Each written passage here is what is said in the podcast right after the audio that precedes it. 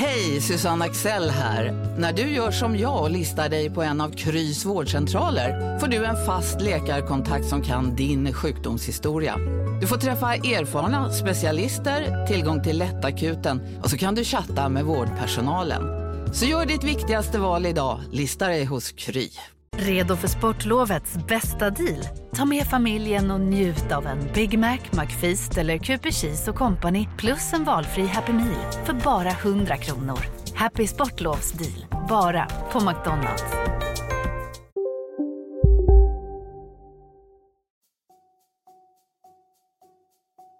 Från Monopol Media, det här är Kapitalet. Jag heter Gunnar Harjus.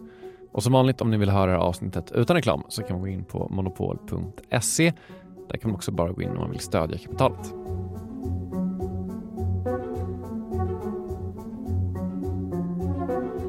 Det är fredag, vilket är otroligt glädjande för alla inblandade. Eh, inte minst för mig, för att jag får utse VIG, veckans intressanta graf. Det här är VIG 3 och det är verkligen en otroligt intressant graf. Jag har fått den skickad till mig av Oskar Broberg. Oskar är mångfaldig kapitalmedverkande och nog den person i Sverige som jag tar på störst allvar när han hör av sig och säger “Jag har en intressant graf”. Dessutom så är han docent i ekonomisk historia vid Göteborgs universitet, vilket gör honom till ekonomhistoriker, ekonomihistoriker, ekohistoriker ekonomihistoriker.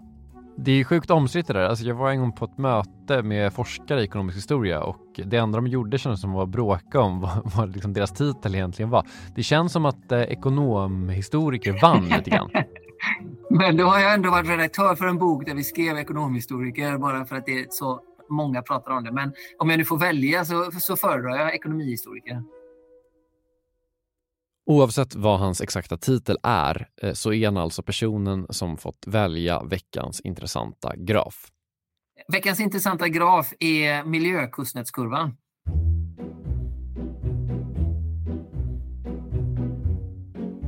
Miljökustnätskurvan är en kurva no shit, och det är en kurva som har fått sitt namn efter en annan kurva. Känslan är att det är lite unikt. Kurvan som miljökustnätskurvan fått sitt namn efter heter Kuznetskurvan. Alltså den vanliga Kuznetskurvan. Så vi börjar där. Kuznetskurvan är döpt efter eh, nationalekonomen eh, Simon Kuznets som eh, i mitten på 1900-talet, i eh, början på 1950-talet formulerade en idé som då blev känd som Kuznetskurvan. Och den handlade ju då egentligen om eh, ojämlikhet och inkomstfördelning i samhället. Och det var ett sätt att sammanfatta hur det såg ut i USA under första hälften av 1900-talet. Kuznetskurvan är ett försök att sammanfatta ett samband som Simon Kuznets, eller Simon Kuznets som han nog kallades när han flyttade till USA senare, eh, observerade. Sambandet var i två steg kan man säga. Först, ju rikare ett land blev, ju högre BNP per capita, ju mer ojämlikt blev det. Men sen, i något läge, så slutade landet bli mer och mer ojämlikt. Istället så vände kurvan, så att ju rikare landet blev, desto mer jämlikt blev det. Så först blir det ojämlikt och sen blir det jämlikt.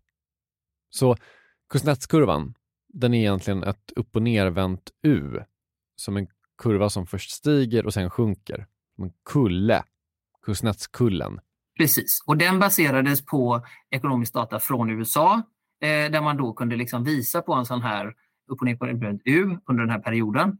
Och sen så utifrån det då så drogs det slutsatser om huruvida, eller man började diskutera huruvida det då gäller i andra tider och i andra samhällen. Simon Kuznets fick ekonominobelpriset 1971, dock inte riktigt för den här kurvan, trots att den utgör en stor del av hans eftermäle. Det här är liksom en sån kurva som är med i en nationalekonomi A-bok. På ett sätt så kan det ju verka som att man hade en ganska långsiktig trend då som var under närmare, närmare 50 år. Samtidigt så vet vi det nu att den där perioden eh, var ganska speciell. Så att man, man, kan fråga sig om i vilken utsträckning de fångade något mera generellt samband eller ganska, något ganska historiskt specifikt samband.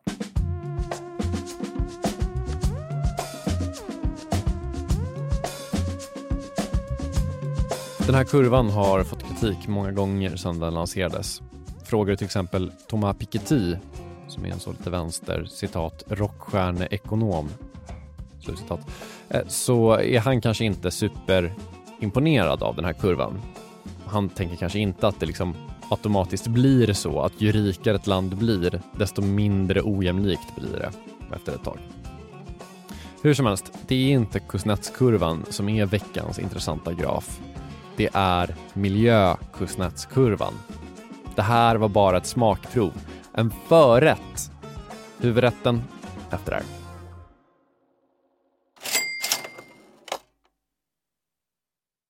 Kapitalet sponsras av SPP och Storebrand Asset Management. Eh, Storebrand och SPP hör ju ihop sedan många år och utan att gå in på några detaljer här och nu så kan vi i alla fall säga att eh, Storbrand förvaltar över 1200 miljarder kronor bland annat åt just SPP.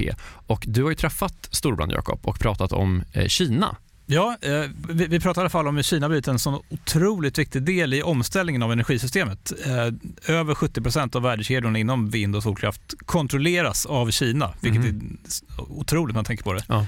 Och Det handlar om att Kina väldigt tidigt insåg att energi är makt och att man genom sol och vindkraft kan göra sig typ fri från att importera olja och gas och sånt. Then if you think that tomorrow or today's you know power base is going to in a large part be about renewables, then obviously having a stranglehold on those renewables and all the technologies that go into it is going to be part and parcel of that power play.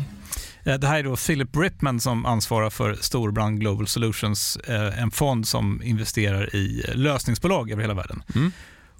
Och hela det här avsnittet om Kina och geopolitiken som nu liksom är invävd i den globala omställningen, eh, den släpper vi som en bonus här i kapitalet nu i veckan. Ja, och mer information om Storbrand kommer vi få i kommande avsnitt och eh, man hittar också förstås mer om man vill ha det här och nu på storebrand.se. Vi säger stort tack till SPP och Storbrand. Tack!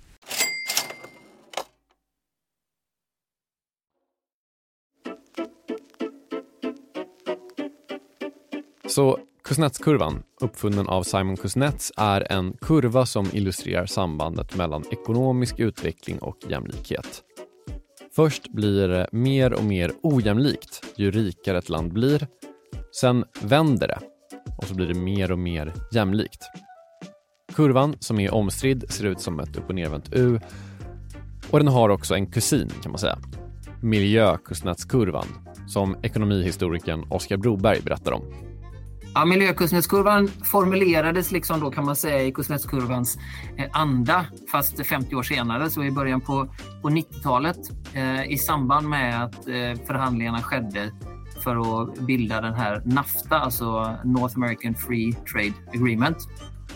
Så var det två ekonomer, Gene Grossman och Alan Krugman, som eh, skrev en, eh, ett bokkapitel egentligen som hette Environmental Effects of a North American Free Trade Agreement. Och då tog man egentligen, eh, grafen ser likadan ut, alltså med ett upp och nervänt U.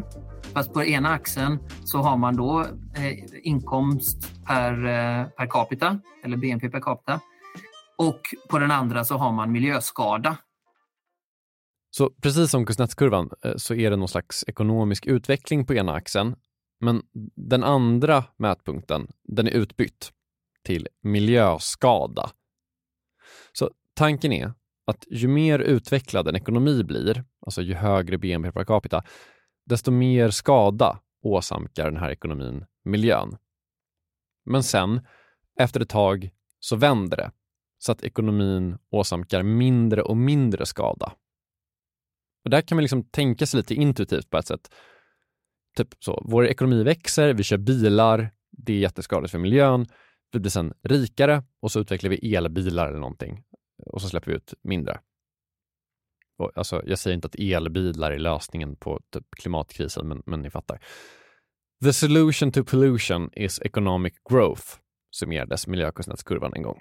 Alltså den fick ju genomslag för att i början på 90-talet, det var ju egentligen då som miljöfrågan internationellt lyfte från att ha varit ett, en liksom mer marginell företeelse i miljörörelsen och sen i spåren liksom av Tjernobyl, vi har Exxon Valdez i Alaska, den stora oljekatastrofen och sen så skedde det ett antal. Som successivt då lyfte upp miljöfrågan till att bli en eh, stor politisk fråga men också många storföretag som började engagera sig. Och då skulle jag säga att den här bilden när den kom passade väldigt väl i att formulera miljöfrågan. Hur kunde man liksom passa in den i en fortsatt positiv bild där vi ändå kände framstegs och tillväxt? Tillväxtoptimism?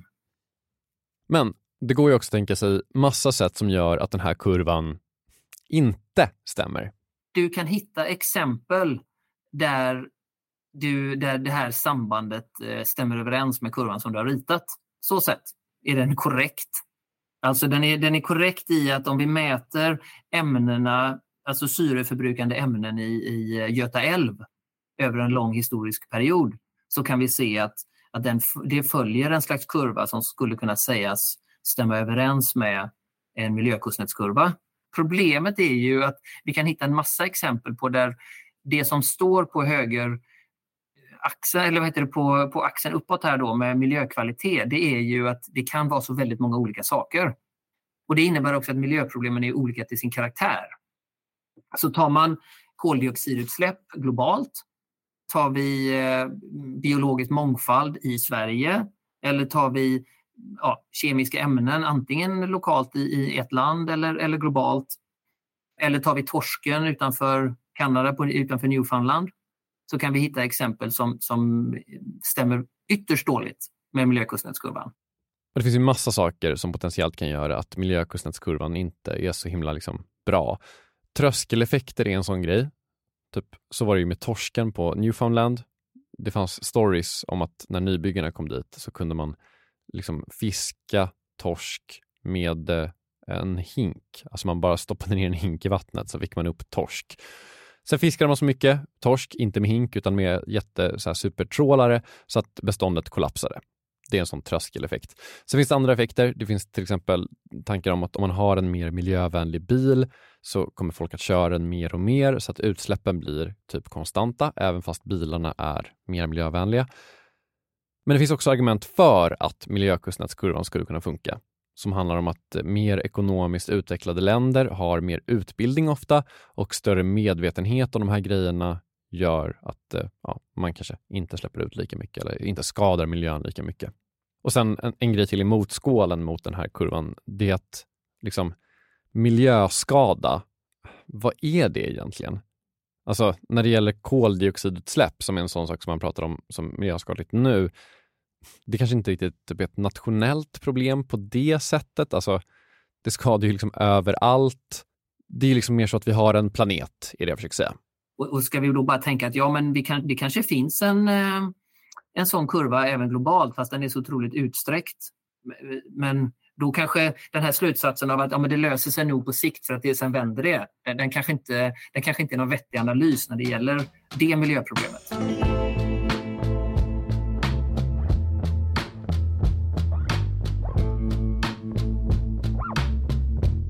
Men det Oskar Broberg tycker är det intressantaste med den här grafen, det som gör det till veckans intressanta graf, det handlar mer om så den retoriska bilden som den här kurvan har och har haft.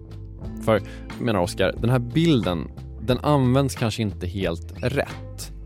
Den används inte på sättet det här är en modell som vi kan tänka oss som utgångspunkt för en viss typ av situationer och kanske om vi komplicerar den här bilden så kan vi få en förståelse för hur världen fungerar.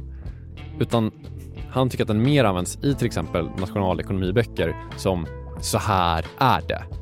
Och eh, jag har en framför mig här som, som används i internationell ekonomi.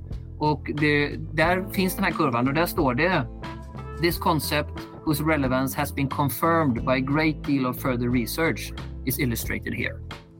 Så, så det är ju det är liksom tydligt att när, det, när den lyfts fram där så lyfts den ändå fram som en, liksom en, ja, men en, en liksom, eh, tydlig bild för det här, det här kan lösa sig. Och där går de inte in så mycket i detaljerna. Hade de gjort det så hade de väl brottats lite med det. Men, eh, så jag skulle säga att ja, men den finns med där som en av många delar som, som, som bygger upp en eh, sån positiv bild. Och, och det som jag eh, kan störa mig på i olika sammanhang, det är ju den här att man, inte är, att man inte gärna vill vara tydlig med att det är en sammanblandning mellan statistiska samband, samband och liksom, vad man använder det för en, som en retorisk bild. När, när man liksom använder just environmental damage eller då miljöskada som, som, som, som om man skulle kunna prata om det som en sak. Så lite är väl slutsatserna de vanliga. Ekonomi är en ganska böjlig vetenskap. Det är inte som fysik. Eller som biologi som man någonstans försöker beskriva här. Och användningen av de här teorierna, det är det som är viktigt någonstans. Hur används de? Ja, och att eh, ekonomi är väldigt nära sammankopplat till, till politik. Alltså det, det tycker jag är en, en eh, viktig eh, slutsats när man eh, studerar ekonomi. Att på olika sätt försöka förstå hur, ja, men hur just den här ekonomiska teorin, hur, hur hänger den ihop med vilka politiska slutsatser landar den i? Eller hur har den här ekonomiska teorin eller modellen eller eh, så använts som också eh, politisk retorik? Och Det behöver inte betyda att den, har liksom, att den är helt rätt eller helt fel utan att den ja, det kan användas på olika sätt.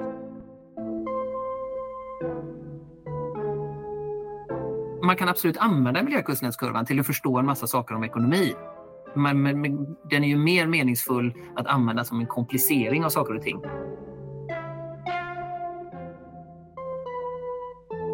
Oskar Broberg är ekonomihistoriker och ingenting annat vid Göteborgs universitet. Jag hoppas ni får en helg där ni komplicerar saker väldigt mycket. Jag heter Gunnar Harjus. Kapitalet är tillbaka på måndag. Har ni en graf som ni vill skicka till mig så kan man göra det på gunnar.monopolmedia.se. Man kan också gå in på monopol.se. Lite förvirrande att min mailadress inte är monopol.se men nu, nu har vi den värld vi har. Eh, gå in på monopol.se om ni vill. Eh, ha en underbar helg. Hej då! Det är nog, eh, det är nog det hela. Jakob, vi har ett samarbete med Pareto Business School och det här är jag rejält nyfiken på. För ja. att eh, eh, så här, vi jobbar ju sida vid sida, bokstavligen, sitter bredvid varandra och då och då så håller du upp ett finger och säger nu måste du vara tyst en timme för nu ska jag eh, göra något Pareto. Exakt. Ja. Jag gillar ju att lära mig nya saker, det gör ju många journalister. Eh, så den här våren går jag då en åtta veckor lång så kallad mini-MBA. Eh, alltså jag hade gärna gått en riktig MBA också, men, men ja, jag har inte tiden det kräver och, framförallt ingen arbetsgivare som vill betala 800 000 för att låta mig göra det. Nej, eller kanske du har. Du är ju arbetsgivare. ja, snål, snål arbetsgivare. Mm. Det är då Jens Bäckbom och Mattias Eklöf, två svenska entreprenörer som har skapat den här utbildningen just eftersom det finns ett gigantiskt hål mellan typ YouTube-filmer och en, en riktig MBA. Ja, och det här är då Pareto? Exakt, Pareto ja. MBA. Eh, Paretos utbildning kostar cirka 25 000 kronor och, och, under åtta veckor så lär man sig jättepraktiska och tillämpbara modeller för hur man startar, skalar upp, driver och säljer bolag. Eh, Jens och Mattias eh, de håller själva i många föreläsningar. De är garvade entreprenörer båda två. Mm. Och så man så olika gästföreläsare som kom in. Mm. Typ någon kille som, som, eh, var expansionschef på Spotify, någon som körde marknadsföring på Revolut, eh, en kille som driver Sveriges största campingkedja, mm. som har varit med i kapitalet faktiskt, okay. Johan Sör. Ja. Ah, just det. Också varit en helt otrolig svensk eh, entreprenör som byggt massor med grejer i Vietnam. Alltså makalösa berättelser. Oh, wow. Eh, så den här kursen består av en blandning förinspelade moment och seminarier, men man går också i då så här kohorter tillsammans med andra deltagare från Sverige och utlandet. Jättenyttigt, eh, tidseffektivt och funkar jättebra för, för den som vill driva egen verksamhet som, som typ vi gör här. Eller om man typ driver projekt och affärer i större bolag. Wow. Om man är taggad på att eh, bli en del av den här, liksom, vad ska man säga, Jakob skolan om man vill bli som dig, lära sig lika mycket som, som du har lärt dig, vad, ja. vad gör man då? Eh, nästa kursstart är 5 april, så vill man ta ett kliv framåt i sin utveckling eller karriären eller så, gå då till arbetsgivaren och kolla om du inte kan gå den här utbildningen. Priset ligger alltså på 2500 euro, men ni får 10% rabatt om ni anger Monopol Media som referens när ni eh, gör er anmälan. Mm. Eh, man kan också gå in på paretoschool.com för att eh, läsa mer och ja, se lite smakprover från själva utbildningen. Då. Mm. Så att eh, man sparar jättemycket pengar för att gå Handels MBA och man sparar ytterligare pengar om man tar del av eh, Monopol Media-erbjudandet. Ja, exakt. Ja, en no-brainer som vanligt. Mm.